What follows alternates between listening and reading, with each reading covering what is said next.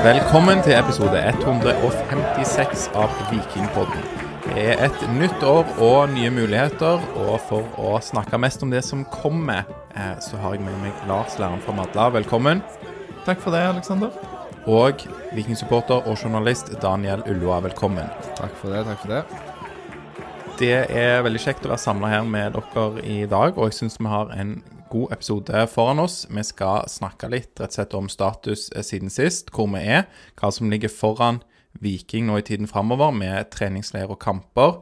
Skal vi snakke litt om eh, marked, eh, markedsting, og da tenker vi mot Fått liksom litt oppdateringer fra Viking pluss-administrasjonen. Ja, rett og slett. Du går de i æren for ved markedsavdelingen her, eh, Lars. Nei, det var noen ting jeg lurte på, så fikk jeg svar på det jeg spurte om. Så det var fint. Så bra, så du går ikke, du går ikke dis ærend, du bare lurer. Så det er godt å høre. Eh, og så skal vi snakke selvfølgelig litt om eh, taktikk og profilen som eh, trenerne ønsker å ha på laget. Så skal vi høre litt fra Kristoffer Løkberg. Han har vi allerede snakka med. Så vi liksom bruker teknologien for det det er verdt, og limer inn et intervju som vi gjorde for en halvtime siden med han. Og så skal vi snakke litt om overganger. Og vi har fått inn en rekke lytterspørsmål, og de tar vi til sist. Ja. Så er episoden slutt. Så er episoden slutt. Og da, det kan jo være eh, at eh, for Aleksander sier at han har så mye han må gjøre, så han må kanskje gå. Så Daniel, det kan være at det hviler litt på oss på slutten, men vi får se. Ja, de som følger denne episoden på video, vil spesielt merke hvis jeg går. Sikkert de som følger den på lyd òg, men eh, ja. Ja. Nei, men eh, det blir spennende, og jeg synes eh, spørsmålet fra Anders Itzø er et godt, et godt utgangspunkt for selve episoden, for han spør hvorfor skal vi gidde å følge Viking denne sesongen? Hvis man ser bort ifra at klubben i, hjertet, i vårt hjerte, som gjør at iallfall han kommer til å lide seg gjennom denne sesongen òg.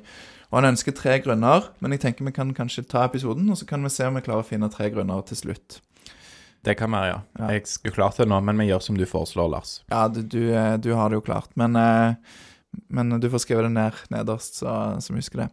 Nei, for det er litt mye negativitet rundt Viking, syns jeg, og vi kan gå litt på status siden sist, og så kan vi høre litt fra denne negativiteten som har vokst fram, iallfall i noen fora, eh, bonde ut, eller bonde samme fra.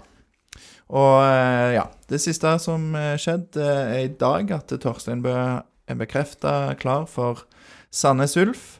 Um, og um, ja, for noen dager siden så ble det klart at Viking ikke får Lars Jørgen Salvesen inn dørene som sin nye spiss.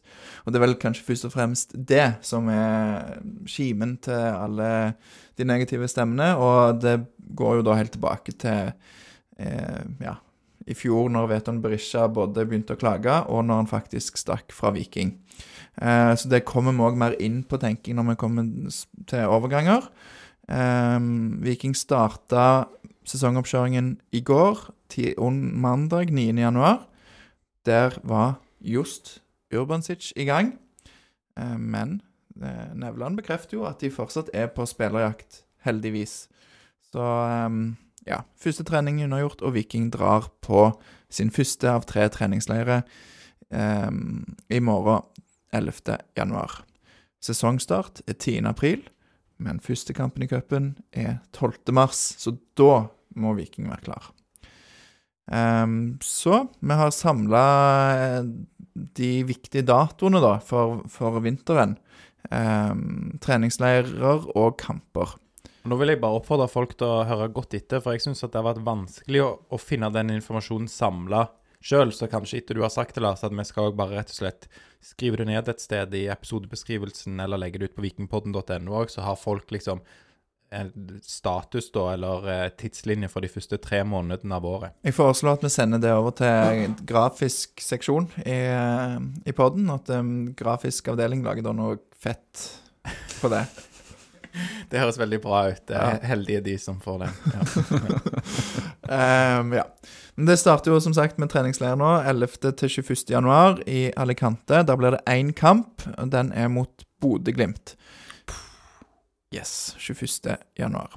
27. januar God Da- oppladningsstart mot Bodø-Glimt. Det blir fint, det. Ja da. Og den, det er sånn den, Alltid den første leiren og første kampen er sånn Ja, men det, vi bryr oss ikke om kampen. Det er trening som er, gjelder. Eh, så kommer Viking hjem, og så kommer de til å spille nok en treningskamp som Ja, den gjelder jo ikke, men den er jo litt viktig, Daniel, for eh, hva kamp er det? Da er det Sandnes Ulf. 27. januar på Ja. Østerhus Arena. Ja, eh, foreløpig solgt 460 eller 470 eh, bortebilletter, så Og hjemmefansen òg hører jeg begynner å selge litt etter litt nå, så det kan fort komme 2000 der, tror jeg. Ja. Eh, hva Har det vært utsolgt eh, på stadion? Eh, nei, det har det ikke. Eh, jeg mener det Kommer var ikke til å bli det nå heller, kanskje? Det tror jeg ikke. Det ville jo vært en sensasjon uansett. Ja. Nei, det, vi håper jo det kommer veldig mange, og jeg tror til og med mange av de som er hjemmefans, eh, heier på Viking, hvis jeg skal spå. Så, så, så lenge det er over 500 personer på en treningskamp, så blir det en viktig kamp uansett for begge lag. Ja. Sånn er det bare. Så det blir spennende. Etter, etter det så reiser Viking til Algarve 1. til 11. februar. Og da spiller de mot Halmstad 3. februar, FCK, altså København, 7. februar, og Brønnby den 10. Og det er jo òg en litt spesiell kamp, Aleksander. Ja, det blir eh, spennende å se hvem av de tidligere vikingspillerne det blir gjensyn med. Vi vet jo at det har vært et trenerskifte i Brønnby, eh, og dette er uansett ikke noen tellende kamp. Eh, så sånn sett så er det jo kanskje litt mer bingo hva lag med begge lag stiller med. Men selvfølgelig spesielt da med Henrik Heggheim, eh, Joe Bell og Sebastian Sebulonsen potensielt på motsatt banehalvdel eh, der. Ja, det hadde vært digg å, å slått Brønnby. Eh, hjem igjen og bortekamp mot Bryne. Eh, torsdag 16. februar, og det tror jeg er sånn formiddagskamp som de ikke vil at folk skal komme og se på, eller? Ja, eh, nå vet jeg at eh, Sandnes Ulf-kampen har blitt flytta til treningsbanen på Bryne. Eh, altså kunstgressbanen, så jeg tipper, tipper den òg i den måneden der kommer til å gå på kunstgress. Ehm, Gratis å komme inn da, sikkert. Ja, eller så går du bare på en haug. Ja, står på en haug. Det er gratis, det. Og så er det siste treningsleiren eh, 20. februar til 3. mars på Marbella.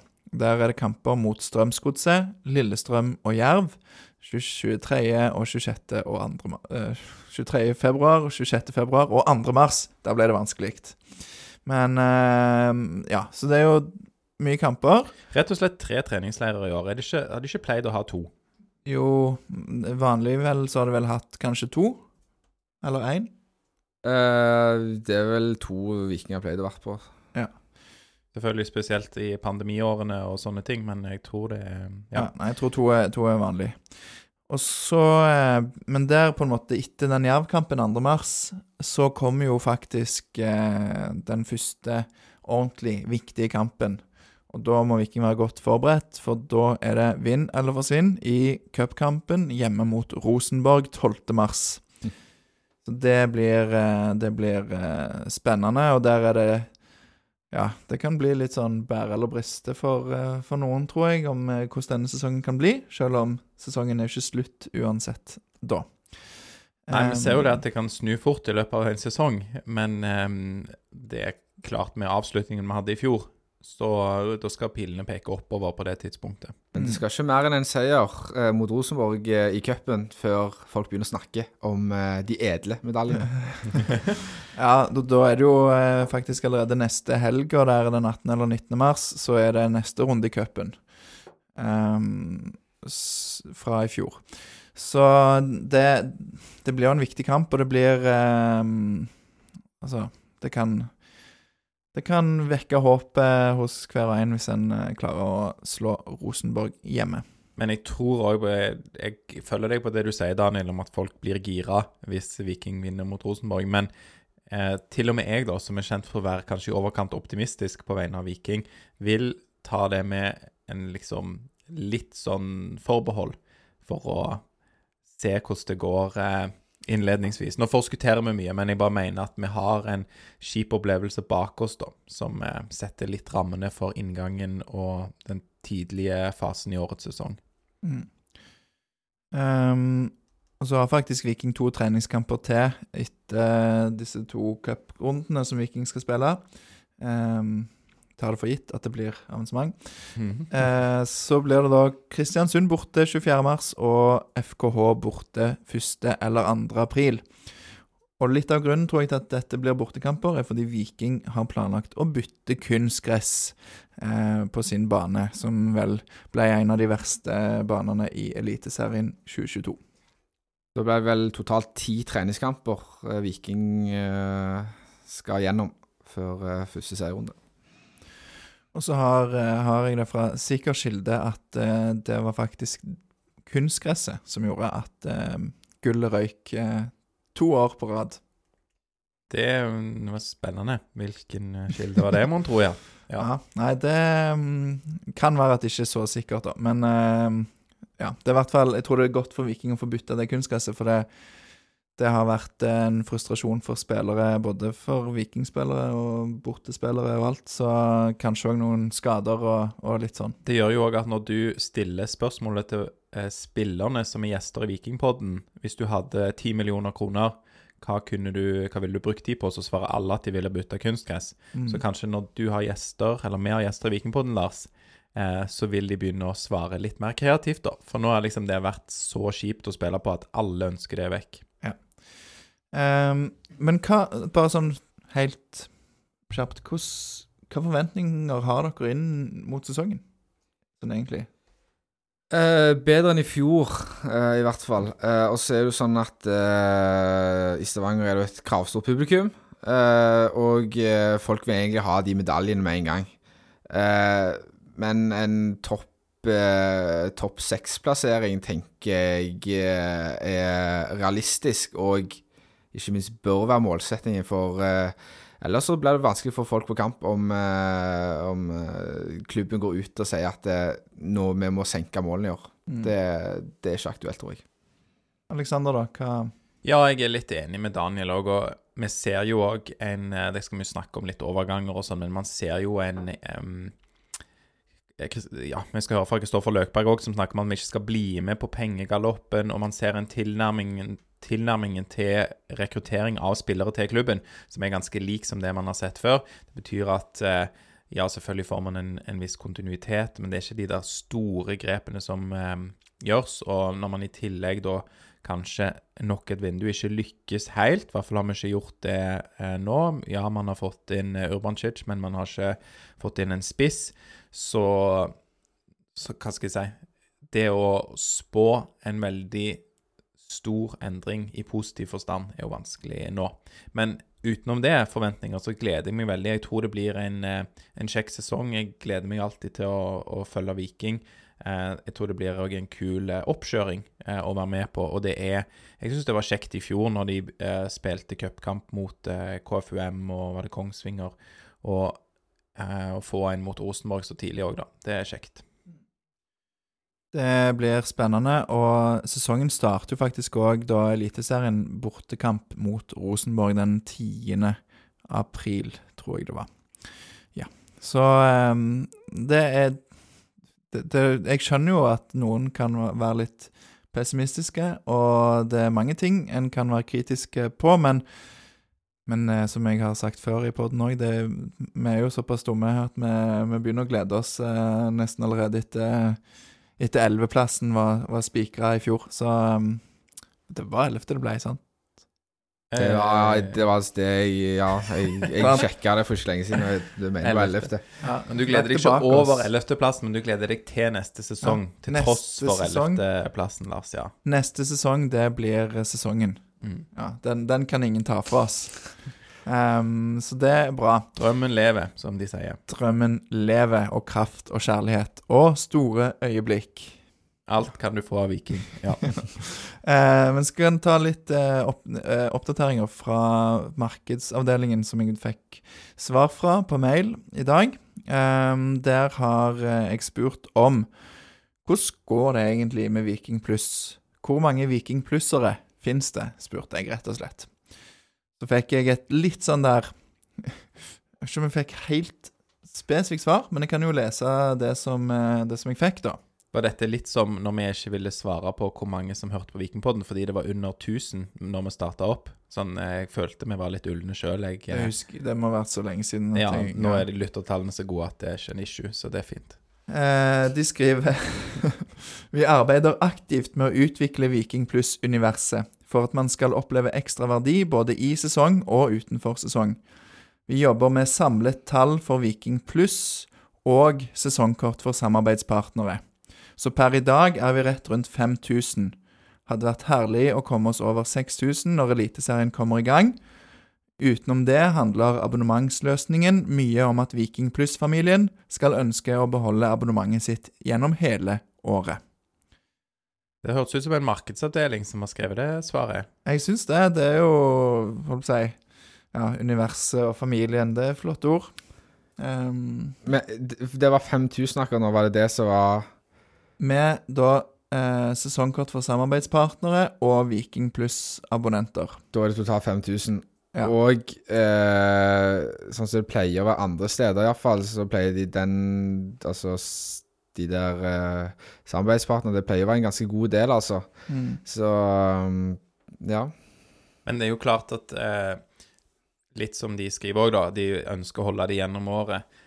Det er jo første Første liksom pauseperiode de gjør dette nå, har dette abonnementsordningen. Og jeg tror jo mange er eh, ser nok på lommeboka da, og ser på hva de får for pengene i pausemåneden, at de kanskje, selv om de planlegger å ha det som er kalt i gamle dager et sesongkort, så har de kanskje ikke abonnementet da når det blir desember, og januar og februar. Nei, og det kunne jeg jo godt tenkt meg å spurt om, men nå ble det litt sånn Siden jeg har en jobb på dagtid, så, eh, så passer det ikke å ta en telefonsamtale denne gangen. Så da fikk jeg ikke spurt i oppfølgingsspørsmål rundt akkurat det. takk for at du sendte e-post og leste opp for oss. Men husker dere nøyaktig hva som inngikk i den eh, Viking Pluss, altså med disse her rabattene og fordelene man skulle få? Eh, for jeg mener at det, det var ikke noe som du fikk ståpels av. Nei, det kan stemme. Nå husker jeg ikke alt hva som ble lovt, og jeg husker ikke alt hva som ble gjort, men jeg kan si, skrive litt om eh, Si hva de skriver om eh, Litt om det, kanskje, da. Eh, for jeg spurte om eventer og liksom hva som skjer. Og Da svarer de at sportskveld i slutten av måneden for Viking pluss. Nytt år, nye muligheter. Bli med på en kickstart på av sesong. Om det er offseason, eller om det skal bare på og av. av sesongen? Nei. Nei, jeg vet ikke. Ja. Eh, og hør hva trenerne og spillerne har å si om oppkjøringen til ny sesong. Så det blir en sportskveld da for de som er Viking Pluss-abonnementer. Abonnenter, som de da vil lokke med. Ja. Eh, og så spurte jeg konkret om supporter-kickoff for alle, for det var jo en Jeg vil si det var en suksess i fjor. Og da var jo litt en annen situasjon. Det var mye entusiasme. Eh, der svarer hun Frida Gloppen at når det gjelder supporter-kickoff, skal vi ta en runde og sjekke interessen for å finne ut hva våre supportere eventuelt ønsker på et slikt kickoff. Vi ønsker å inkludere supporterne mer når det gjelder innhold og planlegging her. Synes du, Lars, da at Viking kan være liksom for åpne og imøtekommende, og at de bør kanskje holde litt igjen med supporterkickoffet, eller er det bare å peise på? De kommer nok til å vente til det kommer en ny spiss, tror jeg. Ellers så blir det et slags uh, supporteropprør. Det er sant, det blir mye handlende om det. Godt poeng, Daniel. Det kan bli litt uh, dårlig stemning, eh, kanskje, hvis det er en dårlig oppkjøring og det ikke kom inn en spiss. Så mistenker jeg at det ikke blir den store festen som det var i fjor. Um, men det er jo Jeg syns jo det er fint det at de da gjør de det i samråd med supporterne, enten den ene eller andre veien. Absolutt. Um, så det var det. Så spurte jeg òg om billettsalg til Rosenborg-kampen, cupen. Den eh, blir Der fikk jeg ikke noe konkret, bare at det blir eh, et jobb med det. Og at eh, forhåpentligvis så legges det ut i starten av februar. Så da må det gjelde å følge med. Da har folk en eh, måned på seg til å kjøpe billett til cupkampen mot Rosenborg. Yes. Så fikk jeg òg litt svar om årets drakt, men det kommer vi til litt senere. Ja, kom lytterspørsmål om det. Bare å glede seg til spørsmål om årets drakt. Yes. Um, bra. Men det er jo ikke Jeg vet ikke med dere, men jeg går ikke på stadion for uh, sportskvelder i offseason. Det er jo det som skjer på banen, som ja, avgjør om sesongen har vært god eller dårlig. Er det ikke det? Enig, jeg har aldri vært på en sportskveld i offseason, så det hadde jo vært kjekt å sjekke det ut, men uh, ja. Ja.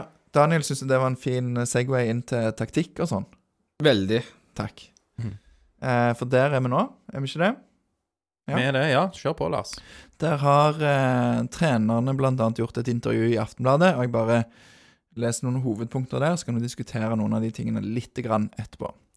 Eh, laget skal drilles mye mer i 4-3-3. Det er vel en etterlengta endring. Ja.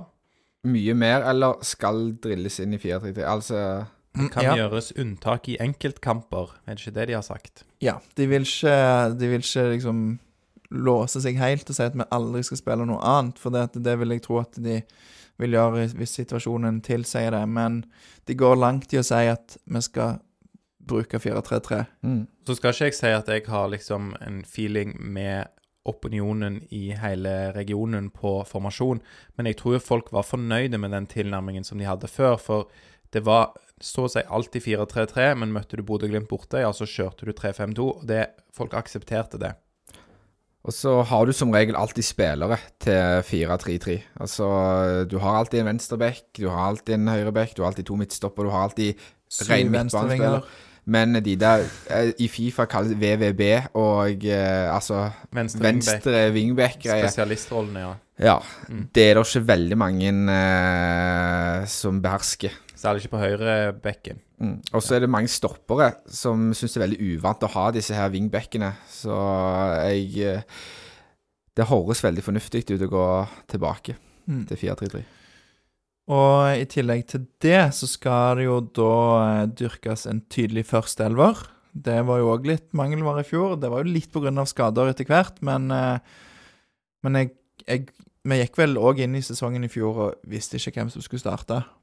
Eh, og det er nok en sånn usikkerhet hos noen av spillerne som Ja, de synes sikkert det er fint å slippe. I hvert fall så lenge det går bra. Ja. eh, Men òg hvis det går dårlig, så er det bedre å ofte ikke bare prøve å endre seg og endre seg og endre seg ut av det. Ja, du må ta noen grep, men eh, særlig innledningsvis i en sesong, da. Ja, Hvis du blir famlende da. Ja, men nå tenker jeg òg på de spillerne som gjerne ikke spiller. sant? At det, de Ja, sånn, ja. aksepterer det Ja. så lenge det går bra. Altså Hvis Viking vinner, så er det lettere å tåle at eh, OK, det funker jo. Her er jeg på benken. Mens for Harald Nilsen Tangen, f.eks., når Viking tapte og tapte, tapte, og han ikke fikk spille, så var ikke det sikkert skamkjekt, kan jeg tenke meg. Um, Og så håper jeg at vi ser det ganske tidlig i oppkjøringskampene hvem som eh, faktisk skal spille. For er det én ting jeg ikke er veldig glad i, så er det å se en treningskamp der du bytter ut eh, 10-11 mann i, i pausen. Så Ja, Særlig når du kommer litt uti der. Hvis Ja. du gjør det i treningskamp 7, 8, 9, 10, så ja. Jeg vil jo tro at eh, om ikke allerede, så i hvert fall mot slutten av den eh, andre leiren i Algarve, så må det jo ha Mm. satt seg ganske godt, da. Men hvis du eh, innledningsvis skal spille mot et universitetslag i Alicante som et plaster på såret eller et eller annet sånt, så går det greit hvis du bytter halve laget midt i. Ehm, spillestilen skal tydeliggjøres i større grad, eh, og der kan jeg si litt at det videre sier at Viking skal tilbake til sitt DNA med offensiv fotball i 4-3-3, der aggressiv gjenvinning, høyt og rått press, færre baklengsmål og flere skårede mål er nøkkelpunktene. Det er da sitat fra Aftenbladets artikkel. Anbefaler å lese den, så får du få med deg alt. Men eh, ja, det høres jo veldig flott ut. Aggressiv gjenvinning, høyt og rått press, mindre mål mot og flere mål for. Det høres ut som gull for meg. God plan, god plan. Ja, men har- altså, hva, hva tenker dere, har vi troen på, på det? Jeg kan jo starte i hvert fall med det høye press og si at det er noe jeg har etterlyst, og jeg håper jo at eh, de Altså, i, i, i fjor, etter Veton forsvant, så hadde de jo ikke den hærføreren som skulle sikre det høye presset eh, oppi der, men det virka ikke heller som det var en sånn tydelig instruksjon og forventning om det. Sånn som jeg leste kampene og så trenerne og så hvordan Viking sto, så var det ikke sånn at man ble jaga opp. Det var ikke heller sånn at Løkberg eller andre da som er, har litt stemme utpå der, var veldig på at vi må ha det høye presset sånn som vi hadde før. Så om det var litt sånn eh, enkeltspilleravhengig Så hvis de får det tilbake og driller det nå, og, og klarer å indoktrinere spillere som ikke har det i sitt eh, blod, så blir det kjempebra. Det går vel kanskje litt på neste punkt, at det skal være klare krav til spillernes roller, som en av de tingene de trekker fram. Ja, øh, siste halvdel av sesongen i fjor så det ut som de ble jaga ned eh, mot eget mål. Eh, så gale var det. Eh, eh, jeg syns det ser, eller høres veldig fint ut, og så er det jo dette å, å få det ut i, i kamp. og så tror jeg òg Viking har mm, rette spilletyper til å beherske akkurat det, det som blir nevnt. Så spennende. Det blir jo det, og, er, ikke, og, det, og dette litt det som har vært suksessfaktoren til Bodø-Glimt. da? At en skal gjøre tydeligere rollene, en skal ha eh, altså Det skal være en kjent formasjon, og når en spiller går ut, så skal en annen komme inn og vite hva som forventes av den spilleren i den rollen. Ja, hvis en i tillegg klarer å gjøre det, og ha en sånn eh, hva skal jeg si, læreguttmentalitet som de har i Bodø-Glimt, at man, eh, man vet hvem som er foretrukken, og man vet hvem som er erstatteren som eh, kommer bak, som slipper til i mindre grad, men det kan bli den sin tur, hvis den blir god nok, eller den man eh, går i lære hos, da, forsvinner ut. Så det er ikke sånn at Viking er sånn skodd i alle posisjoner, men vi kan jo håpe det kan Mm. bli noe, noe à la det, uten at man skal kopiere alt som Bodø-Glimt gjør. Nei, ja, det er ikke et mål, det, på, veldig mange måter. Men, eh, men det er jo i hvert fall Sportslig har det jo hatt suksess, så det kan jo være um... Jeg skal ikke dra hele en uh, lekse igjen, men jeg har jo snakka mye om dette med eh, liksom, det, det er tilfeldigheter som gjør at Daniel Karlsbakk er spissen som vi må stole på i hele fjor. Det er ikke noen plan bak det. Jeg ønsker at det skal være en plan bak når de unge slipper til. mm. Eh, en Neste punktet, som er hovedpunktet de trekker fram, er at det skal være flere arbeidsoppgaver på hovedtrenerne. Og det høres jo i første omgang ikke så positivt ut. Det høres liksom Dere skal få mer å gjøre. Men sånn jeg leste det, så handler det vel om at de skulle ha mer eierskap til de tingene de gjør, sånn at de ikke liksom delegerer vekk eh, oppgaver til, til assistenter eller eh, lignende.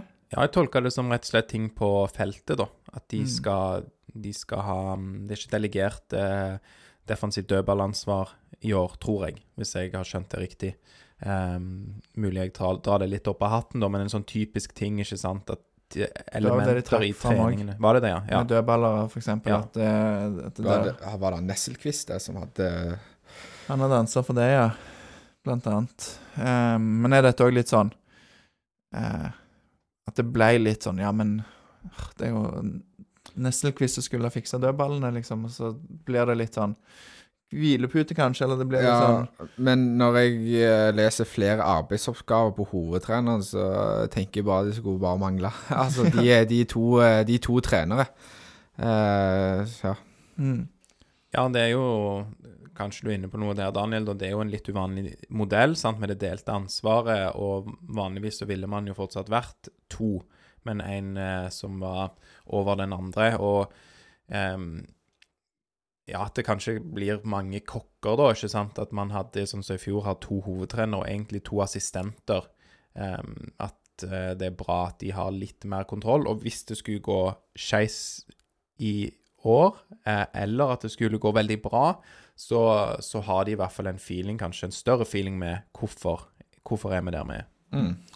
Jeg tror nok de har en Håper og tror de har en grei feeling på hvorfor det endte som det endte i fjor. Det, har jo, det, det må de jo nesten ha. Jo, men det er jo men, nettopp dette grepet, da, er kanskje litt for å sånn Det blir en slags, om ikke ansvarspulverisering, så blir det en sånn en oversiktspulverisering. At man, man er litt for fragmentert, for å bruke det ordet. At eh, denne personen vet det, og den andre personen vet dette. Og så skal de ja klare å samhandle, men blir det for mange, da, så er det kanskje for mye informasjon, liksom. Ja, at Ja. spillerne kan, kan få for mye å forholde seg til. Og jeg vet jo, altså Hvis eksempel eh, Morten Jensen ble jo, husker jeg, for eh, når de ble ansatt, så ble han ofte liksom trukket fram som hjernen bak dødballtrekken, og han var likte å stå igjen og terpe på det. Han kunne bruke mye tid på det.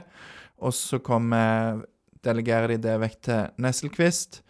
Og så har han sine tanker og ideer, og så har Morten Jensen kanskje noen andre tanker som han eh, kanskje Nå, dette blir bare spekulasjoner, men da, som kan, det er vanskelig å liksom ta, ha hendene av fatet. Sant? Og så blir det, som du sier, mange kokker og, og mer søl for at de har så lyst til å sånn, Å nei, men jeg, det, det har ikke jeg tro på. Og så, ja. Uansett en samhandlingskomponent der, ja. Mm. Ja, men jeg, jeg tror det uansett er greit at uh, selv om begge to er hovedtrenere, så er det greit at eh, hver av de har sine. Altså eksempel at Jensen har det er litt ekstra ansvar på dødball, og så har uh, Åsheim på en annen. eh, så ja, det Mm. trenger ikke være absolutt enig i absolutt alt, tror jeg. Nei, det ville vært nesten dumt hvis de var enig i absolutt alt, hele tida. Um, siste hovedpunktet som de trakk fram, var at de innfører trenerne innfører fotballtid mens de er på stadion. Og denne skulle jeg likt å liksom, snakke litt mer med dem hva det egentlig innebærer, og hvordan det er forskjellig fra før. De har sagt at de har sagt mye ja til ting, men at nå skal det være fra åtte til to, så er det bare fotball som gjelder. Um, så den Ja. Det kan vel være eh, ting knytta opp mot administrasjon og samarbeidspartnere, folk som kommer innom stadion. Eh, dette er bare min fantasi, men Mm. Eh, Ja. Så det, disse tingene, skal gjøre at Viking eh, tar steg mot toppen i 2023. Um, Det er jo ikke liksom Vi har jo sett det òg når de gjorde denne selvevalueringen av sesongen eh, 2022, så opplever vi jo ikke at det er veldig store grep som skal gjøres, men jeg har jo ikke nødvendigvis troen på de store grepene heller. Det er ikke, det, er ikke sånn at det tvinger seg fram. Vi har ikke rykt ned. Og prøver du eh, for mye for fort, altså det har vi jo sett liksom på banen òg, jeg tror det er lurt å prøve å finne tilbake til det vi hadde, for vi er ikke så langt fra det, i hvert fall sånn organisatorisk og ansvarsmessig, så må vi- vi finne tilbake til det på banen. mm. Men jeg, eh, jeg skal ikke si at liksom, ja, nei, dette var en tydelig oppskrift på å havne syv plasser lenger opp på tabellen, men det er i hvert fall ikke en oppskrift på katastrofe. Nei, og så tenker jeg sånn Hvis vi som spillerne og treneren òg har fokusert litt på at de skal jo trekke inn det som var bra med forrige sesong, og når sesongen starta i fjor. Brekalo og Stensnes var jo, om ikke det beste, så i hvert fall et av de beste midtstopperparene i Eliteserien. Um, Ja, hadde- sånn, Å få de et tospann, da, tenker du på? Ja, Ja, igjen. Mm. Sant? Fordi igjen så har du en spennende eh, Diop som eh, backup der, og en Vevatn i bakhånd. Eh, det syns jeg er fint å ha han i bakhånd, Mm. eh, som står på nummer kanskje fire. Eh, Sondre Bjørsol på sitt beste er en god back. Herman Haugen er spennende. Eh, Slatko Tripic vet vi hva har. Sant? at det er mange ting som, som kan klaffe, da, og som vi håper at vil klaffe. Så er det noen brikker som fortsatt mangler, tror jeg, da. Ja, men det, det er viktig at de ikke bare Altså, alt det vi gjorde i fjor, det er bare det kasta vekk. Nå er det på en måte noe helt nytt vi skal gjøre. Men det som du nevner, ta, ta det som var bra i fjor, og så og gjør disse enkle grepene for å, for å komme seg tilbake på sporet igjen. Og jeg liker veldig godt dette med å dyrke en tydelig først- førsteelver, og, og at du driller inn en 4-3-3. eh, for det var mye eh, rart som skjedde på slutten, syns jeg, med laguttak og Det kan vi meg og deg har snakket om det en del i Du trodde til tider at du så på innbytterbenken først, men så var det faktisk de som starta, så det var, det var nesten så ille. Ehm, til slutt så har jeg sjekka litt opp status på de unge spillerne. Det var fire unge som signerte nye kontrakter nå i går. Mandag eh, 9. januar ble det i hvert fall offentliggjort. Og jeg spurte Erik Nevland hva som er planen med disse for dette året. Eh, og da kan vi ta de sånn som står i rekkefølge. Eh, Magnus Rugland Ree, keeper. Han er jo da, har jo da signert en fireårskontrakt. Og han eh, er skada for øyeblikket, og der kan utlån bli et alternativ. Så Der har de ikke helt bestemt seg, men de synes jo det er verdifullt å ha han i stallen. Kristoffer Kristoffer Paulsen, han er midtstopper, signerte treårskontrakt og skal lånes ut denne sesongen. En som har slitt litt med skader øh, opp gjennom årene, så så får han skadefri nå, så kan det være sunt med et uh, utlån. Ja, det blir spennende å se hvor han eh, ender opp, og håper han kan ta steg. Han, han er jo en kraftig Altså virker som en skikkelig sterk eh, midtstoppertype. Så, eh, så det kan bli bra. Edvin Austbø signerte treårskontrakt, og han skal bli værende og kjempe om en plass på laget, sånn situasjonen er nå. Um, og Jesper Fiksdal, som er kanskje litt mindre kjent, han skal trene jevnlig med A-laget og spille for Viking 2, og utlån kan bli aktuelt. Så er det jo som alltid i fotball, sånn, som han synes var greit å spesifisere, Nevland, at dette er løpende vurderinger, og det kan endre seg, men eh, spillerens utvikling skal være i fokus. Eh, Vebjørn Hagen, han eh, har jo vært eh, noen år og signert vel ny kontrakt i fjor. Eh, han er langtidsskada, så han har det ikke noe klart svar på. Men det blir jo den tredje venstrebekken i stallen. Og Lars Erik Sødal, som forlenga i august i fjor, han er med i oppkjøring, så får vi se. Så han har det ikke bestemt seg for. Spennende, da. Ja. Det kan være litt avhengig av hva som kommer inn, tenker jeg. Kanskje spesielt med Sødal, jeg vet ikke. Ja, ikke bestemt seg i form at han kan bli lånt ut, da, eller? Ja. Så um, de har, For Viking har jo ganske mange spillere, og kanskje spesielt i, på midtbanen. Jeg spurte ikke om Simon Kvia Egeskog, for jeg regner med han skal kjempe om en plass i år. Var utlånt i fjor, og Ja, Ja, det er jo noen flere her som jeg kunne trukket inn. Altså Daniel Karlsbakk og Sondre Auklend er jo begge født i 2003. Så de blir jo 20 år da i eh, år. Um, så det er jo klart, man, eh, man kan jo også sette den lista hvor man vil, da, men det er jo naturlig Auklend tilbake fra skade. At de ikke vet helt eh, hva de skal gjøre med han, ser jeg for meg i hvert fall. Uten Mm. at eh, jeg har vært så pliktoppfyllende som deg, Lars, og eh, kontakta Nevland. Eh, og Daniel Karlsbakk er jo veldig lett å tenke på som en som ikke er så ung plutselig, fordi at han har spilt veldig mye. Men Han er jo ganske ung, men jeg ser for meg at han absolutt eh, er tiltenkt en eh, plass i, eh, i troppen da inn mot sesongen, og i alle fall nå, som de ikke har fått inn en ny spiss. Mm. Nei, det blir spennende å følge disse. Jeg håper jo at vi får eh, en altså Harald Nilsen Tangen-historie eh, igjen. Så, og som jeg sa i vår sesongoppsummering fra i fjor, så sa jeg at det hadde vært drømmen med Lars Erik Sødal og Sondre Aukland og Harald Nilsen Tangen, med en Simon Kvegskog som, òg også springer rundt der. Det hadde jo vært eh, nydelig. At det som eh, vår midtbane, ja. Ja, det hadde vært fantastisk. Men det er kanskje noen år fram i tid, hvis det i det hele tatt er realistisk, da. Er det noe mer dere vil si om taktikk og sånn? Nei, jeg lurer på nå eh, skal vi høre fra Løkberg. Ja, det syns jeg vi skal. Så, eh, så da eh, gjør vi et lite sceneskifte, og så får vi høre litt fra, fra Løkberg.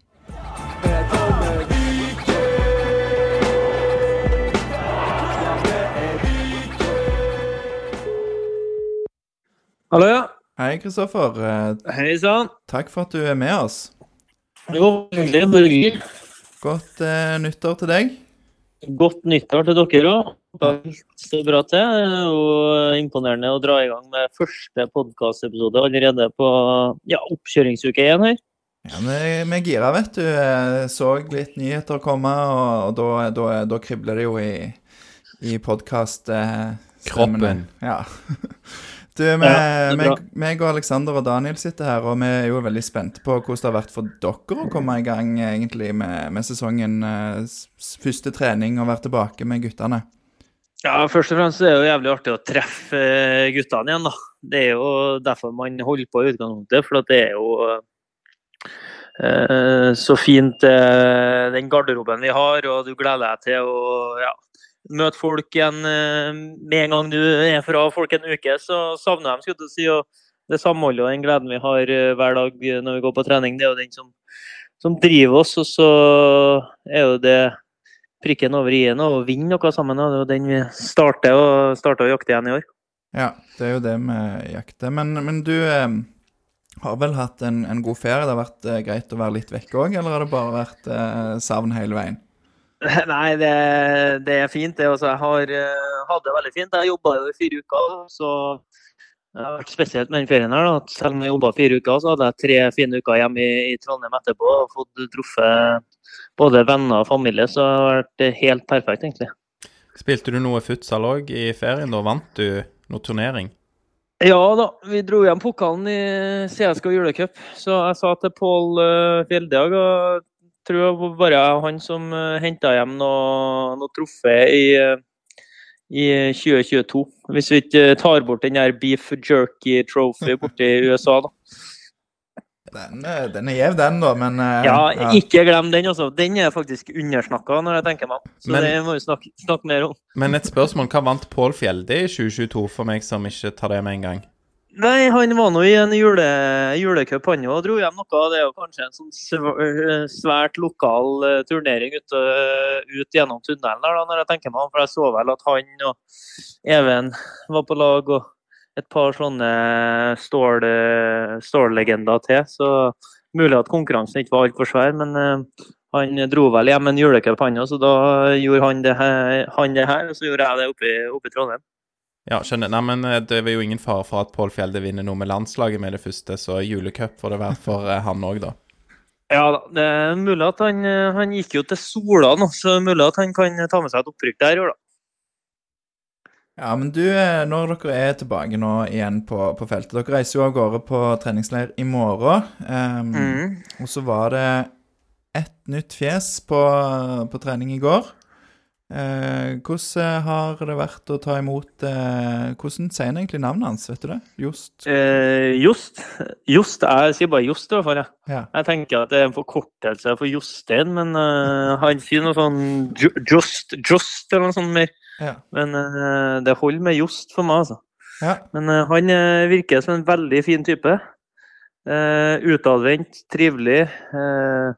Byr på seg sjøl, og ikke minst så så eh, det man fikk sett av ham i dag, da, som var første fotballøkt, så ser jeg med en gang at eh, han bor det masse fotball i. Så det blir veldig spennende å bli bedre kjent med han. altså.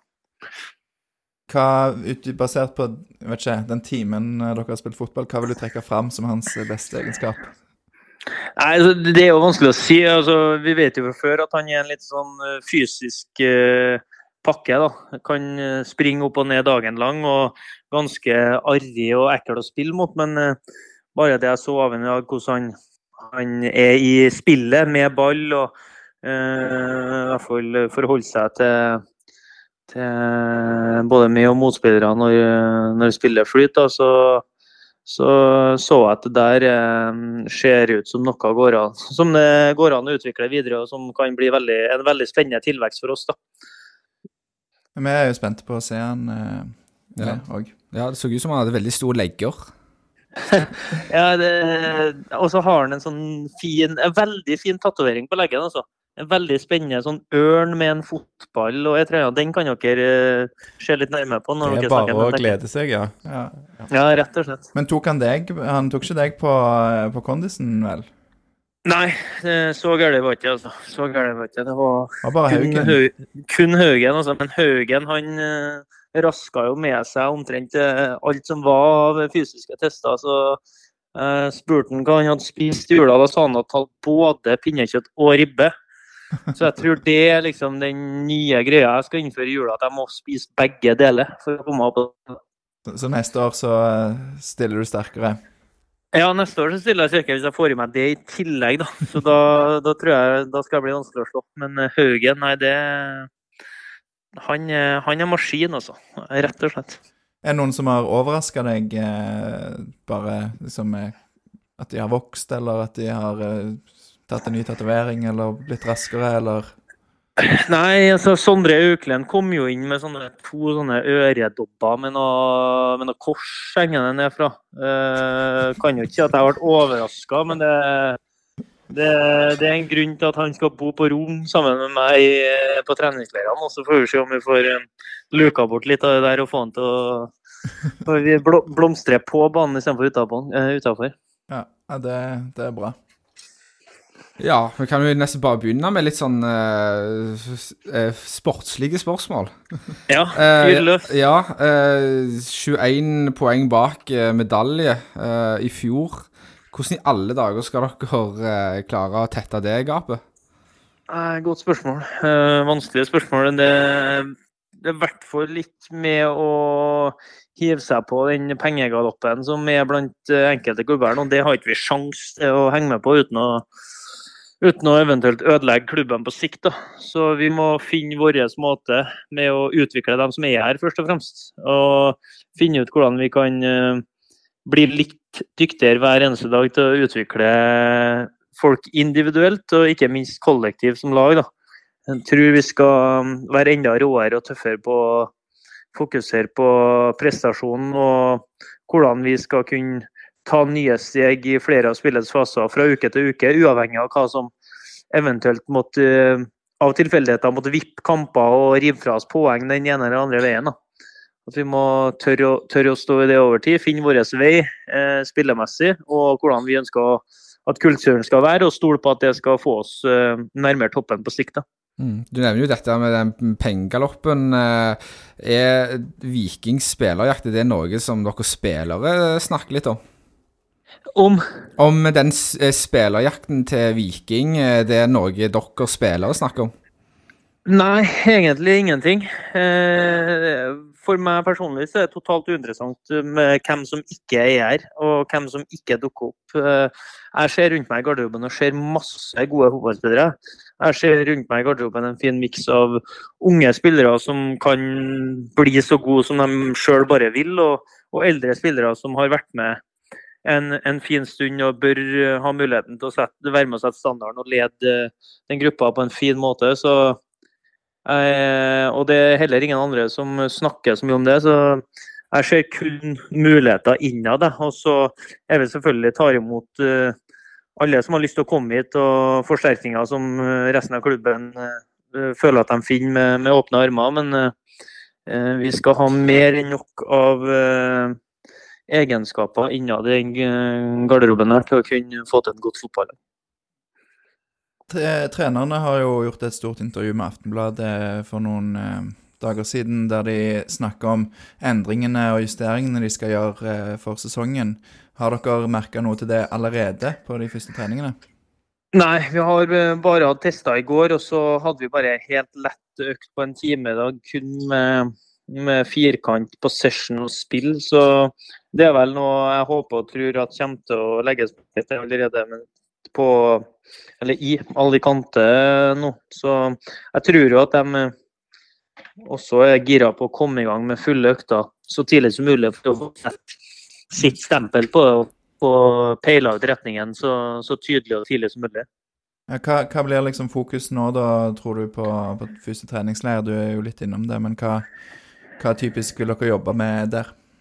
Nei, det er jo sånn, eh, du kan ikke eh, gå for fort fram heller. Du er nødt til å bygge den fotballformen sakte, men sikkert. Eh, og det typiske feil man gjør, at man trener for, for tøft og drar på for mye med en gang, men da mister man jo folk og, til skader osv. Men det går an å jobbe godt med det taktiske og, og få i gang hodene og kroppene i, i, i skjønn forening. Nå. Så det jeg håper og tror, er at vi skal, vi skal trene godt og tøft nok og få i gang den fysiske kapasiteten, men samtidig så skal vi jobbe godt både på feltet og med møtevirksomhet og å, få samhandlinga til å begynne å rulle. Altså. Og få den der felles forståelsen av hvordan vi ønsker å, å framstå både offensivt og defensivt uh, allerede nå. Det høres bra ut. Vi er jo spent på å følge med. Og hvis du skulle skyte fra hofta, eh, hvem er det vi skal se opp for i 2023? Hvis du skal trekke fram maks to, da.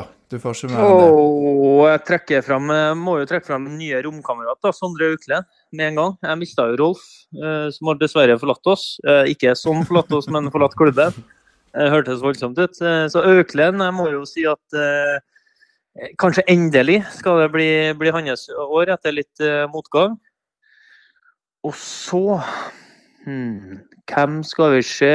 Og så har jeg trua på at uh, Harald skal komme uh, godt ut av en, eh, en, en motgangsperiode i fjor. Men det møter alle unge fotballspillere på et tidspunkt. Og så håper jeg tror at han skal komme eh, sterkere ut av den perioden og, vise, eh, og komme seg tilbake igjen på en nivå han visste for ja, det er ikke så lenge siden. Så han, han bor det masse i, og håper vi kan få fram det igjen. Det høres bra ut. Da eh, skal vi snart slippe deg igjen, eh, Kristoffer. Men har et eh, siste spørsmål, og det er hva gleder du deg mest til i sesongen 2023? Eh, Jeg gleder meg mest til å slå tilbake igjen. Og vise at den høstsesongen, eller ja, den lange høstsesongen, ikke noe annet enn en dupp, og at vi får tilbake gleden og entusiasmen eh, i, i byen igjen, og at eh, folk kan glede seg til å gå på kamp. Det høres bra ut. Vi håper at det var et eh, kollektivt drypp som dere kan bli bedre fra til, til i år. Det håper vi òg. Så da må vi igjen takke for, for tida di, og så lykke til med, med oppkjøringa. Jo, bare hyggelig, og tusen takk for det. Vi snakkes. Ha det. Ha det godt. Ja, det var interessant å høre en Løkberg som kommer fra en liten hai med seier i romjulsturnering, og virker jo å ha tatt med seg den eh, entusiasmen, eh, vil jeg si. Ja, det er jo, det er jo litt typisk eh, altså Det er jo en grunn til at vi spurte Løkberg, for han snakker jo godt og mye, og, og jeg syns ofte han har evnen til å finne positive ting da som eh, Altså som vi kan bygge håp på. Jeg vet ikke. Ja, han er jo en eh, Hva skal jeg si Han har eh, ordenes gave, eller hva man sier. Så eh, skal ikke si at vi skal ta, ta det med ei, klype salt, men det er klart at uh, det, er, det er mye positivitet å spore, og det er jo, er jo veldig fint.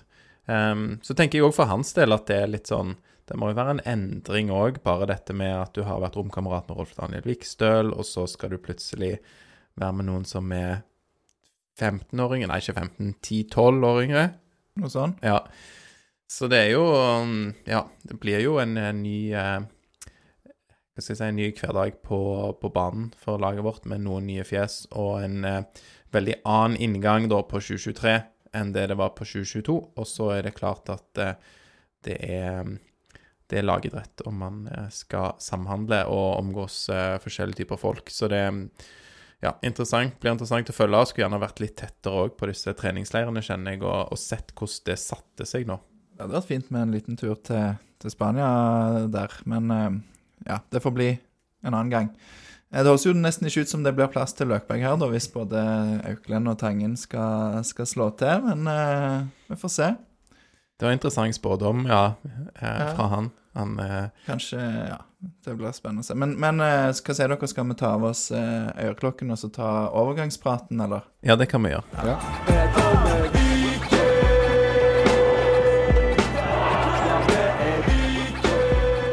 Da har eh, Alexander forlatt oss, eh, Daniel, men eh, vi klarer å dra det i land, gjør vi ikke det? Jo, det bør være mulig. Ja, for nå skal det handle om overganger, og er, mm, der er det jo mulig å si mye. Og Det har vi fått en del lytterspørsmål om, og det finnes mange meninger om Vikings overgangsstrategi og valg og eh, resultater. Ja, så jeg vet ikke, Daniel, hva syns du om overgangsvinduet til Viking til nå? Nei, det, det Når det ikke kommer spillere inn, så er, har, har det ikke gått veldig bra. Så langt. De har jo prøvd, eh, og eh, nå var jo Lars Jørgen Salvesen den på en måte alle forventa. Ok, nå, nå kommer det endelig inn en spiss. Eh, en dyre spiss, eh, hørtes det ut som. Ja, der Bjørne sa at det sto ikke på pengene der, i hvert fall. Så, så det hørtes ut som det lå litt i det, ja. Ja, eh, og de henta vel dyrt òg, Bodø-Glimt, så det hadde jo blitt en del millioner. Eh, så var det jo han sjøl, da, til slutt, som eh, valgte å bli i, eh, i Glimt. Og det var jo selvfølgelig folk på Nevland igjen, sånn så uh, iallfall Twitter-folket pleier å være. Eh, men Skal vi, ta, men kan bare ta litt, eh, litt om det. For Salvesen, det var de enige da med både klubb og spiller, egentlig, om pakken og alt. Eh, og, og det var åpenbart Vikings første valg nå. Eh, de hadde troen på at de skulle få han inn, og så velger han å takke nei til Viking og bli i Bodø-Glimt. Så har hadde vært litt um, uklart egentlig hva Altså, det virker som han har fått litt forskjellige beskjeder til seg og ut i media, hva som egentlig har blitt sagt til Salvesen sjøl. for ja, Bodø-Glimt ville selge han, men han har samtidig blitt hva skal jeg si, lovt at han blir vurdert på lik linje som alle andre. Um, mens en gjerne kan ha fått inntrykk av at Bodø-Glimt har sagt til han at uh, du kommer ikke til å få spille noe hos oss, så du bør finne deg en annen klubb. Men, uh, og sannheten er kanskje en plass imellom, jeg vet ikke. Ja, det er helt umulig å si. Eh, det er vel kanskje nærliggende å tro at det er den beskjeden om at han kommer til å få lik mulighet som de andre, eh, som det han har fått beskjed om. Ellers så eh, ser jeg ikke helt grunnen til at han skulle ha blitt der. Eh, Da måtte det vært eh, de høye lønningene eh, de garantert nok har der oppe, som hadde vært årsaken. Ja, han ville jo fått ganske god lønn her, men jeg vil jo tro at det er høyere i Bodø-Glimt, ja. Eh, men bare for å dra det, da. Viking vil jo ha Salvesen av at han er en god presspiller. Eh, han, han, han er norsk. Det er en viktig faktor her. Eh, de vil ha han som sitt første valg fordi de har spillere i andre posisjoner de ønsker å få inn, gjerne fra utenlandske markeder, men har per nå bare én plass på den, den såkalte frie spillere, eller utenlandskvoten. Um, så hvis de hadde kjøpt Salvesen, så kunne de hente en islending, f.eks., på vingen eller på midtbanen. Ehm, mens nå sannsynligvis så må de da lete i utenlandske markedet etter spiss, og da låser det seg jo i de andre posisjonene. Eh, men når de ønska Salvesen allerede i fjor sommer, så plutselig gikk han til Bodø-Glimt for 12 millioner, eller hva det var, og Viking hadde jo ikke, eh, var, ikke- var ikke på Hadde ikke mulighet til å følge verken overgangssum eller lønn på det tidspunktet. Eh, Så er det et halvt år seinere, så har han hva hva er det, tre mål eller noe sånt på 20 kamper, et eller annet. Ja, det kan stemme. Ble vel litt skada òg, da. Ja. Um, og Bodø-Glimt har foretrukket Runar Espejord i eh, hans plass, og jakter jo en spiss nå. Men la, hvis du skal prøve, da, å sette deg i Salvesen sitt sted Du er fra Kristiansand eh, og jeg sitter i Bodø-Glimt. Du får tilbud fra Viking. Hva tror du gjør at han Altså, hvorfor velger han å bli som benkesliter, da, for å bruke et sånn uttrykk, benkesliter i en annen norsk klubb enn Viking? Eh, fordi Bodø-Glimt har størst sannsynlighet for å vinne eh, Eliteserien. Eh, Iallfall mye større mulighet enn Viking eh, akkurat nå. Så ærlig må vi være. Eh, og de skal Vent og se. ja, og de skal spille europafotball, eh, vel. Eh, det blir mange kamper for Bodø-Glimt eh, i år. Og eh, sånn som det var i fjor, der du følte de spilte hele tida, men de hadde nesten den samme elveren hele tida. Eh, og han ser nok muligheten for at det kan bli en del spilletid, og da må han egentlig bare gripe sjansen. Eh, så eh, ja. Uh, Vinnersannsynlighet eh, av Eliteserien og, og Europa tror jeg er årsaken. Ja, så er det vel kanskje òg at han ser vel kanskje ikke på seg sjøl som en benkesliter. Sånn, han, han, han tenker 'kom til Bodø-Glimt, blir litt skada', kommer midt i sesongen, blir kasta rett ut i det. Eh, og litt som vi sitter og snakker om Viking, så mener han at han er bedre enn han fikk vist i fjor høst. Og mener jo at han kan ta den plassen. Jeg, han, det ville vært rart hvis han ble, selv om han tenkte sånn Ja, nei, det er, er fjerdevalget. Det kan jeg leve fint med. Jeg sitter her og koser meg i Bodø.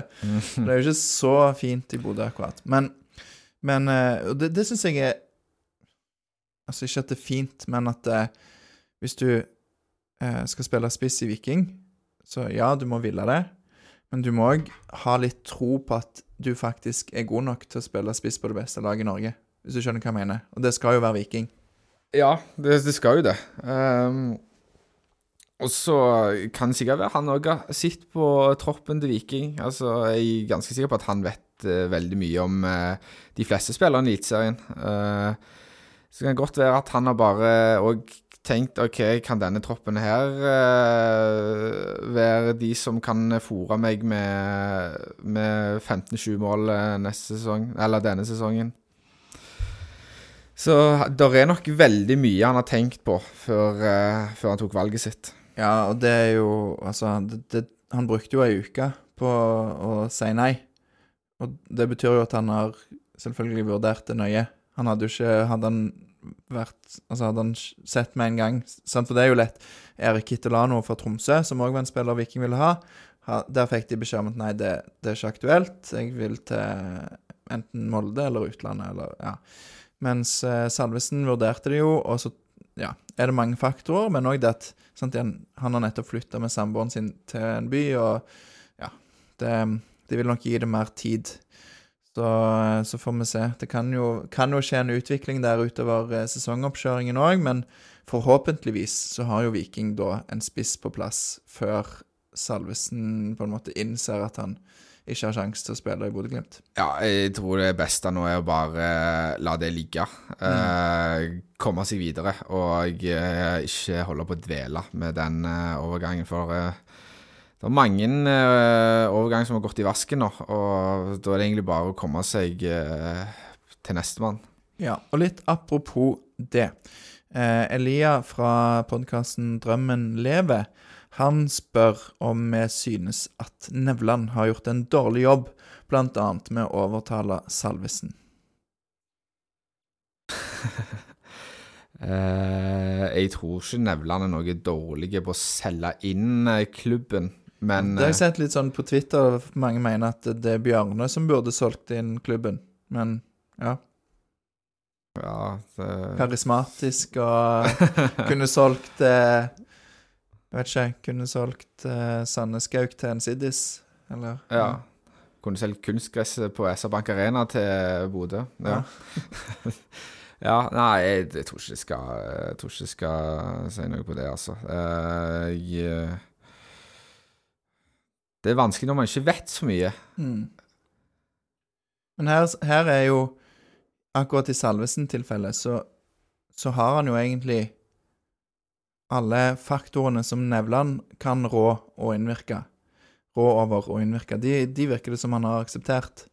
Og så er det til slutt da det, det faktisk sportslige tilbudet som, som gjør at det, vipper den veien. Altså Når, når du har blitt enig med både personlige betingelser og eh, klubbene har blitt enige, så tenker jeg at da, da har du iallfall gjort en jobb, og så har du til slutt eh, hevet ballen til Salvesen. Mm. Og så må han ta en avgjørelse. Skal han kaste den vekk, eller, så skal, eller skal han beholde den? Denne gangen kaster han den vekk, og Det er jo dessverre der Viking er. Altså med, Og, og så har en egentlig Viking noen gang vært der at de gode spillerne i toppklubbene er aktuelle for Viking. Jeg kan ikke huske, liksom sant, Viking har kjøpt Alexander Ødegaard fra Rosenborg, som var litt tilsvarende situasjon. Var god i en klubb, gikk til Rosenborg, lyktes ikke der. Um, er ikke det litt sånn typisk at det er de som akkurat ikke er gode nok for de som dominerer i toppen. At Viking går etter de. Ja, det, det er jo det. Uh, samme òg klubber som ligger sånn midt på uh, i det nedre siktet, som uh, prøver å hente inn disse Obos-ligaspissene og gode midtbanespillerne. Eh, ja, eh, nå blir det ikke Salvesen. Eh, Nei. Um, kan ta litt om andre spisser etterpå, men det er jo òg spørsmål om eh, Fra blant annet som er Men det var Øyv... Nei, unnskyld. Nils M. Glomsaker, eh, som har et litt stort spørsmål, skriver han. Er dagens eierstruktur et større problem for at vi skal etablere oss som topp fem-lag enn Nevland? Er det Gjør Nevland en for dårlig jobb? Må han gå? Eller ligger problemet høyere oppe og, og handler om det som vi snakket med Øyvind Jacobsen om i sesongoppsummeringen, med hvordan Viking er bygd opp og rigga for, eh, for å være ute på, på overgangsmarkedet? ja, nå nå, vet, nå husker jeg ikke helt sånn detaljert eh, om det der med strukturen som Øyvind Jacobs var inne på, men Det handler om at ingen altså det, Viking har ingen som bare kan gi penger inn, Ja. på en måte. Ja, jeg har hørt det ble nevnt tidligere, og jeg tror jeg har sett en tweet òg. Han tvitra det for ikke så mange måneder siden. God bedring, forresten, til Øyvind Jacobsen, eh, som er dramatiske nyheter i dag. Ja. Mm. Sende en, eh, en rose, en eh, interaktiv rose til han. Ja. Eh, ja. Nei, hva tenker du? Det, må Nevland gå, egentlig? Kan vi, vi kan begynne der. Syns du Nevland, basert på sånn, sånn at Salvesen ikke kom inn og Viking ikke har en spiss klar når sesongen starter, han ta hatten, burde han tatt hatten sin og gått? Nei, jeg syns ikke det. Jeg, han må få litt OK, jeg tror ikke jeg skal begynne å si at han skulle få mer og mer tid, men eh, det er nok ikke veldig enkelt. Oh, det er ikke enkelt. Det er nok det er nok ikke veldig enkelt. eh, Jeg prøver ikke å forsvare han sånn Nei, men det er jo Altså, alle skjønner at det ikke er enkelt, men jeg skjønner jo jeg- men jeg tror nok de har hatt litt færre alternativer på blokka enn det de Burde kanskje hatt. burde hatt. Ja, for jeg skjønner jo at folk, eh, folk kan bli frustrerte og sinte, for dette har jo vært Altså, Viking visste at Berisha ville vekk for et år siden snart, sant? Mm. Og Viking solgte Berisha for over et halvt år siden, vel. Iallfall ca. et halvt år siden. Ja. Um, lyktes ikke i sommer. Henta inn en kant som de sa skulle være erstatteren, men det virka jo litt som et sånn ehm, panikkjøp på en måte. At det var sånn Ja, vi, hadde, vi har hatt sansen for han. Eh, Kan han ta en annen rolle enn vi egentlig hadde tenkt? Ja, kanskje. Vi, vi satser på det med Sander Sensen. Mm. Um, men Viking har jo ikke en erstatter klar, og det har gått et halvt år. Det, det, er, jo, det er jo for dårlig, er det ikke det?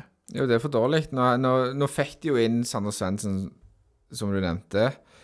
Eh, det var litt sånn lunkent, eh, hadde jeg et inntrykk av. Men det kom iallfall inn noe. Og jeg, føler, jeg, føler, jeg føler at det er det folk krever nå. Folk vil Ja. bare ha inn noe.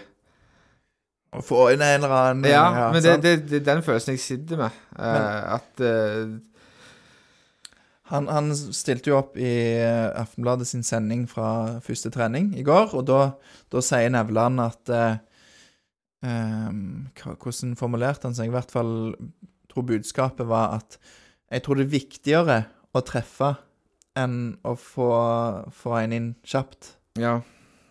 Det er jo vanskelig å være uenig i det, er det ikke det? Jo, det, det er jo det. Det, Problemet er bare at det, det er ikke så kjapt.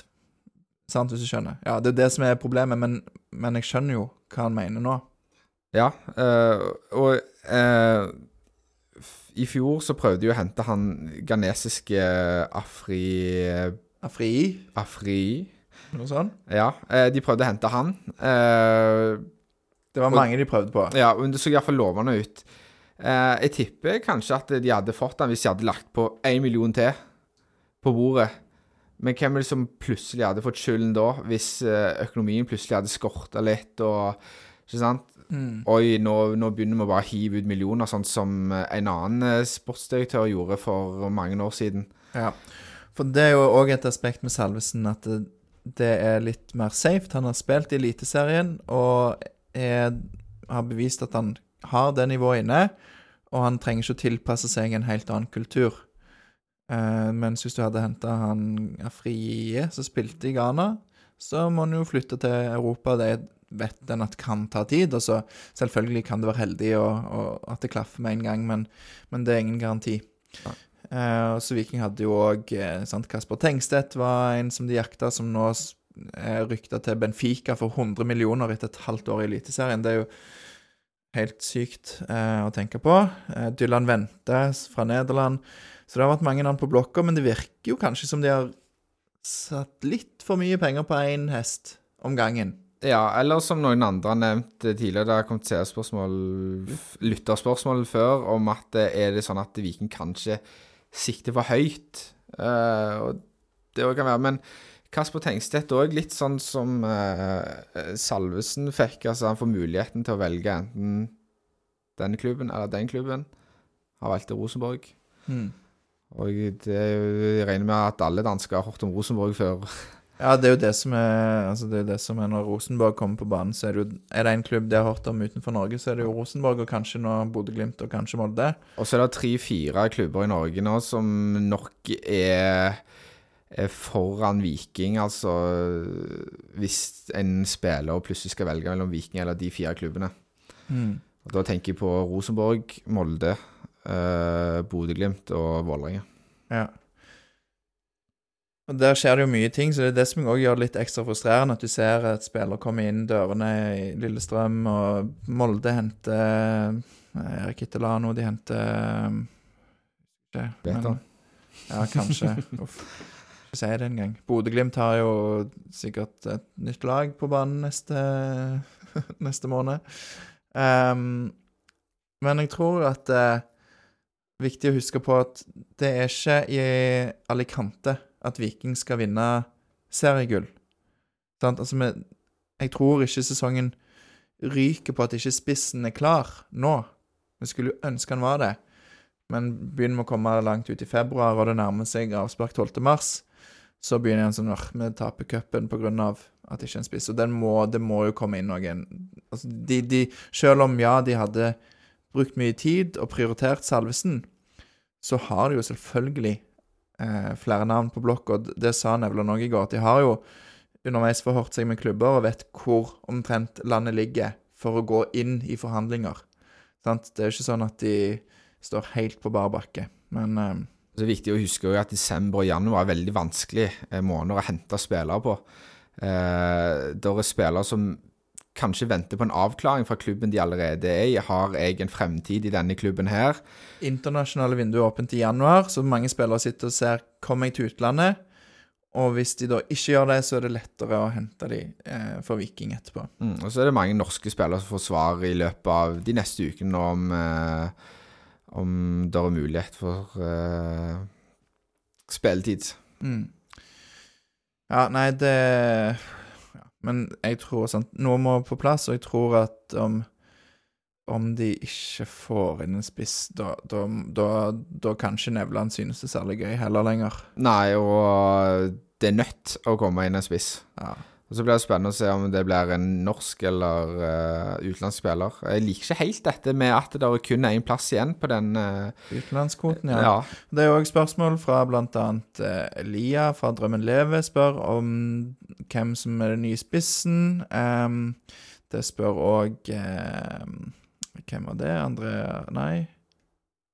Det var flere som spurte om hvem den nye spissen er. Nå finner jeg ikke de, beklager til det. Men, men der er det jo et navn som har dukket opp, som er Merlind Daku. Har du gjort noe research på han? Ikke all verden enn det som egentlig har stått. Eh, Jeg bare, jeg bare legger alltid merke til høyden eh, Ja. på spissen. Han har vel 1,92. Ja, for han, han, eh, han er en høy spiss. Jeg liksom fikk litt eh, En litt eh, mer moden Karlsbakk-feeling av han, sant? Ja, jeg, nå har jeg ingenting imot eh, høye spillere, eh, eller høye spisser, eh, men jeg føler det er litt sånn Du vet ikke helt hva du får. Nei. Så har jeg sett eh, på highlight reel på YouTube, og der er jo mulig faktisk å få deg til å se ganske brukbar ut, Daniel òg. Så jeg skal ikke legge altfor mye i YouTube, men han virker som en, en typ, litt sånn goalgetter, da, som skårer eh, mye mål innenfor boksen, og er god på å komme på rett plass. Og det er en sånn type spiss du trenger i en 4-3-3. At du trenger en spiss der som er god inni i 16-meteren. Oskar Aga eh, er jo òg en veldig god eh, spiller å ha inn i 16. Sånn utenfor der er, litt sånn bobo, men altså, du trenger en spiller som alltid lukter, er inne For eh, nå var jo Berisha veldig, veldig god, men han hadde litt sånn tendens av til å løpe ut på kanten, eh, blir frustrert, går ned og henter ball, og så blir det plutselig veldig mange meter opp til mål. Eh, så du må ha en spiss der som alltid er der oppe. Mm. Merlin Daku er da 25 år og fra Kosovo og spiller i slovenske ligaen, tror jeg. Men jeg leste noe greier om at det fort kunne være litt mer komplisert enn ønskelig, så det er ikke sikkert at det blir han. Um, og ellers så er det, har det vært nevnt eh, Markus Menert som en av de norske alternativene. Oskar Aga eh, har jeg òg sett noen har spekulert i. Og eh, en eh, som eh, jeg tror kunne vært eh, veldig god i Viking, det er Sigurd Haugen. Ja, og han har eh, Han sa jo Nevland da i går at de hadde forhørt seg om, men han kun, Altså, han skulle AGF eventuelt selge med en økonomisk oppside, og de kjøpte han vel for 15 millioner, så det sier seg sjøl at det Det skal brenne hardt og lenge før Viking blar opp sånne summer for Ja, og Hvis de da skal råde han, så må vel en av hovedsponsorene i AGF eh, trekke seg ut. Ja. Um, men det er noen andre posisjoner Viking må ha inn spillere. Det lurer Nils Glomsaker på. Det, det, Og Arild Rems. det, det er så vanskelig, fordi at det, jeg tenkte for noen dager siden at det, OK, Viking trenger en sånn kreativ eh, eh, midtbanespiller, og så tenker jeg etterpå sånn, okay, men de har jo Sander Auklend. Hvis han er i form, da, så kan han være den eh, Har han disse tangene, altså Du føler du Etter å ha tenkt deg om, så føler du sitter med så mange spillere som ikke har fått ut potensial ennå. Mm. Det er jo det, og, og sånn Tangen som uh, har vist hva bor i seg. Sondre Auklend, som Kristoffer Løkberg trekker fram, som er en å se opp for. Som òg ble det i fjor, men har vært uheldig med skader. Eh, du, du, du har jo Du har jo mye som, eh, som ligger i bånn, som ikke du klarer å få ut, da. Men Viking jakter jo på en indreløper som kan skåre mål. Ja. Eh, Sander Kartum har jo Viking hatt bud på. Der er det litt avstand i pris. Der tror jeg òg Viking venter litt. Jeg tror nok at den, den kan gå, hvis eh, Viking ønsker det nok. Så tipper jeg òg at KBK ser litt ute i marken, og er det noen vi kan uh, få Mm. for uh, mindre enn det Viking kommer til å gi oss, sånn at du sitter igjen med litt. Så det, det, det tipper jeg det tipper jeg skjer akkurat nå. Ja. Og så har du Ja, det er vel en høyreving som jeg òg tenker at der Altså, er der vi trenger, da. Ja, i en 4-3-3 så må du ha gode vinger. Du Mm. må ha helst eh, litt eh, raske vinger. Uh, Viking trenger en uh, type ving som Samuel Adi var. En som kan dra av litt uh, spillere og ha den X-faktoren. En Janni anno 2015 eller 2014. Ja, så kan Ja. gå enda lenger tilbake enn Alexander Ødegaard. Sant? Ja. Men uh, litt sånne Ja. Ja. Vinger med X-faktor. Det trenger Viking. Så ehm, ja, så, det, så er det jo òg eh, noen som lurer på eh, hvem som skal spille Det er Lars Aksnes lurer på hvem som skal spille på, som midtbaneanker med sesongstart. Er det Janni, eller er det Solbakken? Eller er det kanskje, som Morten Skogland foreslår, Janni Stensnes? Hvem, ser, hvem tror du spiller på, dypt på midten Når sesongen starter. når sesongen starter? Nei, Janni vil jeg ha opp på, eh, på disse her indreløperposisjonene, iallfall. Ja. Uh, og så tenker rutine litt greit akkurat på den plassen der, så enten Solbakken eller Løkberg, så får de to eh, puste hverandre i nakken i oppkjøringen. Løkberg på den Ja, OK. Det lenge, jeg tror det er lenge siden han har vært eh, aktuell for den plassen, men eh, ja, det kommer litt inn fra sida, da, fra deg. Det er jo spennende, det. Jeg tror Solbakken Ja, jeg tror Solbakken tar den foran Janni, men jeg tror det er der Janni er, er nærmest å starte, altså. For han var, hadde noen gode kamper der i fjor. På anker. på anker. Uh, han tok jo den plassen fra Solbakken mot slutten av året. Så um, Ja, men han kan òg gjøre en god jobb som, eh, som indreløper, altså. Men jeg tror de, jeg tror de kommer til å uh, Kanskje de har bestemt seg allerede. Hvis ikke så kommer de til å bestemme seg for det ganske Hva vil du du har brukt som de tre på midten akkurat nå? Ja, vi kan ta elveren etterpå. Um, men altså jeg, det, Arild Rems spør om det vil bli noen panikkjøp, og om det ikke kommer inn en spiss. Um, jeg tror, tror ikke at Viking panikkjøper en spiss. Det tror jeg ikke. Jeg vil bare ta et sitat fra Vi fikk melding fra Øyvind Svenning når vi hadde bedt om innspill fra den podden. Noen kjenner kanskje til han. Tidligere Vikingspiller. Han sier at eh, en må selge de bæra en har. Og ja, så sier han Karlsbakk har fått masse verdifull erfaring og kan virkelig blomstre denne sesongen. Det er altfor lite snakk om de spillerne Viking har tilgjengelig. Gi de tillit og få de til å føle seg verdsatt og ønsket. Da kan det skje de utroligste ting. Mener ikke Viking skal legge bort tanken på ny spiss, men at det virker som det er det eneste fokuset i media nå, og blant mange folk. Og det syns han er urettferdig mot de som er i laget, og som kommer til å kjempe hardt for poeng for Viking framover. Og det er jo noe i det òg, da. Eh, jeg mener heller ikke at Viking skal sånn, Ja, men vi, vi er fornøyd med de vi har. Jeg syns jo de skal få inn en spiss, men Det er vanskelig å tenke den tanken han har eh, etter det du så i eh, siste, eller egentlig nesten hele fjorårssesongen. nei, jeg har troen på Karlsbakk. Ja, jeg, jeg syns han tok seg veldig opp eh, de siste kampene, og eh, var nesten litt urettferdig å sette han inn eh, på en plass som eh, Veton Berisha hadde. ja, det Og i den, har vi vært og i den ja. begredelige formen Viking var i, så var det nesten litt urettferdig å bruke han. Det er sant. Um, men det blir spennende. Jeg tror Viking kommer til å få inn en spiss, og eh, mest sannsynlig en utenlandsk spiss. Og så vil de ha en eh, i hvert fall én norsk eh, spiller. Jeg tror de helst vil ha to, men jeg vet ikke helt hvem den andre blir. Nei. Det er jo noen som etterlyser Joe Bell, som ryktes til Vålerenga. Der tror jeg at det skal mye til at han forlater Brønnby nå, fordi han mener sjøl at han, han eh, er god nok til å starte. Han mener at han har vært litt uheldig med ehm, det første året sitt, med bl.a. at laget ikke har prestert, og at treneren har vært litt, hva skal en si, feig, som har valgt eh, de han kjenner, og som eh, ikke vil spille fotball, på en måte. Han har bare gått for det trygge, og så har det ikke lyktes. Nå er det en ny trener inne i bildet. Jeg regner med at han vil vise seg fram og kjempe for den plassen, og at det vil. At det ikke er så aktuelt å gå på lån. Ja, litt vanskelig eh, med å se at han plutselig skulle ende opp i en eh, annen norsk klubb. Mm. Um, skal vi si at det var greit på overgangspraten? Vi begynner å bli lange. Er det noe du vil legge til på overganger? Nei, eh, tenker på at jeg skal gi de litt tid nå, og så De har jo fått en del tid fra før, og det er viktig, men eh, Vi skal stå på Sola, så skal vi se hvem som kommer ut av det flyet den uh, 20 21. januar, eller noe sånt. Det kommer nok ikke noen før den uh, første reisen i morgen.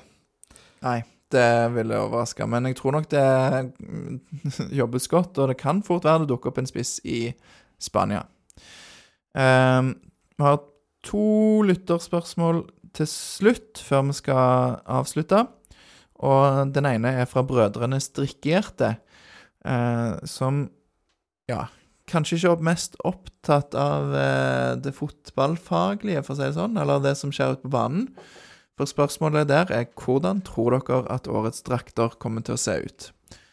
Og her, jeg vet ikke om du har veldig lyst til å spekulere litt før jeg eh, leser hva Viking sjøl skriver. Du kan velge. Hvis du har noe du vil eh, si før, så må du nesten gjøre det nå. Ja, nei, helt ærlig så er ikke noe jeg har tenkt Mørkeblå? At det blir mørkeblå, det er jeg ganske sikker på. Ja. Her kommer det som Viking sjøl skriver. Tanken bak årets hjemmedrakt er å symbolisere forandring. Sjatteringen i drakten gir følelsen av fart og spenning. Den mørkeblå fargen skal fortsatt gi både dybde og kraft. Det høres fint ut. Det var nesten som du leser på sånne kunstmaleri hva en kunstner tenkte når han tegnte, malte. Ja, nei, jeg håper dette kommer tydelig fram når vi får se drakta. Det høres i hvert fall ut som det er en tanke bak det, da. Eh, bortedrakten er mer clean, med detaljer av våre klubbfarger. Det var en litt kortere beskrivelse. Ja. Eh, skal ikke farge, men jeg regner jo med at den blir hvit. Ja. Eller klubbfarger. Er det, går de for eh, oransje igjen? Likte den. jeg. Men var det ikke det tredjedrakt? Det var Eller var det. Ja. Men, eller nei, det var et år når bortedrakt, tror jeg. Okay, ja. Eh, når de spilte mot Sandnes, eh, når Sandnes rykka opp. ja. Jeg, Eh, jeg er litt mer fan av det når de både har andre og tredjedrakt, og tredjedrakten er litt sånn eh, vågal. Nei, det blir spennende å se. Det jeg òg kommer til å um, Jeg vil følge opp på den når tid drakten kommer. I fjor kom han jo sånn to dager før første kamp, så um, ja, Jeg håper jo alltid han skal komme før jul, men det, det har jeg skjønt at det ikke kommer til å gjøre. Er du sånn som sover med drakten eh, første natta du får den? Første natt, da. så hver natt, eh, Daniel. Det trodde jeg var helt vanlig. Um, Pål Jæger Jacobsen til slutt, han ønsker en etterlysning på Til Helge. Det har vært hans store sorg. Um, på toppen av en sportslig nedtur. Til Helge som lagde noen kule sanger og var en stilig Twitter-figur. Um, og han etterlyser noen lokale spillere på vei inn. uh, blant annet fordi at det var lokale spillere som gjorde at Viking vant publikum tilbake igjen etter nedrykket. Men der tror jeg òg det er såpass mange av de unge lokale som, eh, som Viking har tro på, at de ikke kommer til å fylle opp eh, den kvoten noe mer. Ja, det høres eh, fornuftig ut, egentlig. Eh, hvis Altså, nå er det så veldig mange spillere i den vikingtroppen der at eh, Ehm, jeg tror det på en måte, Det er så mange talenter i Viking fra før av nå at jeg tenker, sånn som Svenning eh, skrev, at får gi de tid nå. Ja, en må selge de bærene en har, ikke selge bjørnen før skinnet er skutt, og ha ti kniver i taket og én en fugl i hånda, eller jeg vet ikke hvordan det der Mange sånne floskler en kan si, men, eh, men det er jo noe i det. Så ja, skal vi ta avslutningen, som er da tre grunner til at eh, til at Anders Itzø og alle andre skal gidde å følge Viking denne sesongen, til tross for eh, noen nedslående nyheter på overgangsfronten de siste dagene. Ja, gi meg gjerne tre grunner. Ja. Vil du tenke, så kan jeg begynne. grunner til at han gidder å eh, Den ene grunnen er jo fordi at eh, det ikke går an å ikke følge med. Rett og slett fordi det er umulig. Ja. Ja. Altså hvis, du, altså, hvis du ikke skal gidde å følge med på Viking, så tenker jeg at da følger du ikke med på resultatene heller. Nei. For da sitter du og sjekker at faen, jeg håper jeg vant nå. Mm. Det går jo kanskje litt på det som han sammen skulle legge vekk med hjertet, men jeg lar han, jeg lar han passere. Skal jeg ta grunn nummer to? Mm. Eh, og det er at den ser på det Viking har, så er det mye som bor i dette laget som de ikke har fått ut. Eh, Viking var på tredjeplass på XG-tabellen, som betyr at de kanskje har vært et helt elendig fotballag, selv om de var elendig i kanskje de viktigste eh, endene av banen, sant? både foran eget mål og foran motstanders mål. Eh, får du en fast elver, et tydelig system og klare rollekrav, da tror jeg at mye vil falle på plass. Eh, og at det ikke mangler faktisk så mye for at Viking skal ta et steg opp igjen mot toppen. Jeg tror ikke det blir gull, men at de kan ta et steg opp igjen mot, eh, mot de øverste plassene. Det er faktisk ikke så mye som mangler, tror jeg. Nei. Har du en tredje grunn? Eh, fordi det er sunt å følge med på et eh, fotballag som du bryr deg om. Ehm, og det er jo selvfølgelig tusenvis av grunner eh, en kunne ramse opp. Jeg vil jo òg trekke fram eh, det Altså opplevelsen på, av å gå på kamp, eh, stemningen på tribunen, alle folkene og, og de, den følelsen når Viking får et mål. Ehm, nesten uansett hvor mye de ligger unna, så er det en digg følelse når Viking skårer mål. Eh, og jeg håper at allerede da, mot Sandnes Ulf 27.1, at vi får kjenne på den følelsen mange ganger, og at det er et kok på tribunen den dagen. Absolutt. Og det skal bli veldig gøy. Og, og fordi at uh, norsk fotball er det kjekkeste. Iallfall uh, Mm. for meg. Jeg uh, det er veldig gøy å følge med på egentlig alt som rører seg, og følge med på Sandnes og Bryne og disse her lagene. Det, det er gøy. ja, ja. Nå, nå, må, du, nå må du roe deg ned her, eh, Daniel. Nei, og så eh, kan jeg jo bare gi en liten bonusgrunn at det er jo eh, de, altså Vikingpoddens sendinger gir jo mer mening hvis du har fulgt med på Viking. Det er ikke et krav, men det gjør det kanskje lettere å følge med på det vi snakker om. Ja. ja. OK, det ble kanskje litt lenger enn vi hadde tenkt, men eh, vi var innom mye. og håper at uh, Jeg kan jeg spørre om en ting? ja. Tror, du han, tror du han sitter hjemme nå, når han hører dette, og nikker? Eller tror du han sitter hjemme og rister på hodet? Eh, nå kjenner ikke jeg Anders Sidsø, så jeg vet Nei. ikke. Men jeg håper jo at kanskje det vi har vært innom i poden, gjør at en Hvis en satt og rista intenst på hodet, at i hvert fall du har gått litt mer mot å nikke og ha en litt bedre følelse. Selv om jeg håper Altså, målet er ikke at alle skal tenke sånn Yes, OK, alt er i orden. For det er det ikke. Men at uh, en kanskje ser litt forbi det mest uh, siste negative sakene. Han får spørre seg sjøl har jeg noe bedre å gjøre på. Ja. Du, Anders Itzø, du kan eh, gjerne gi oss en tilbakemelding i, på innboks her om du om, om vi traff. Og så eh, håper jeg at du følger både Viking og Vikingpodden videre. Nå, Daniel, avslutter vi som vi òg kommer til å gjøre i 2023, nemlig med å si 1, 2, 3 Heia Viking!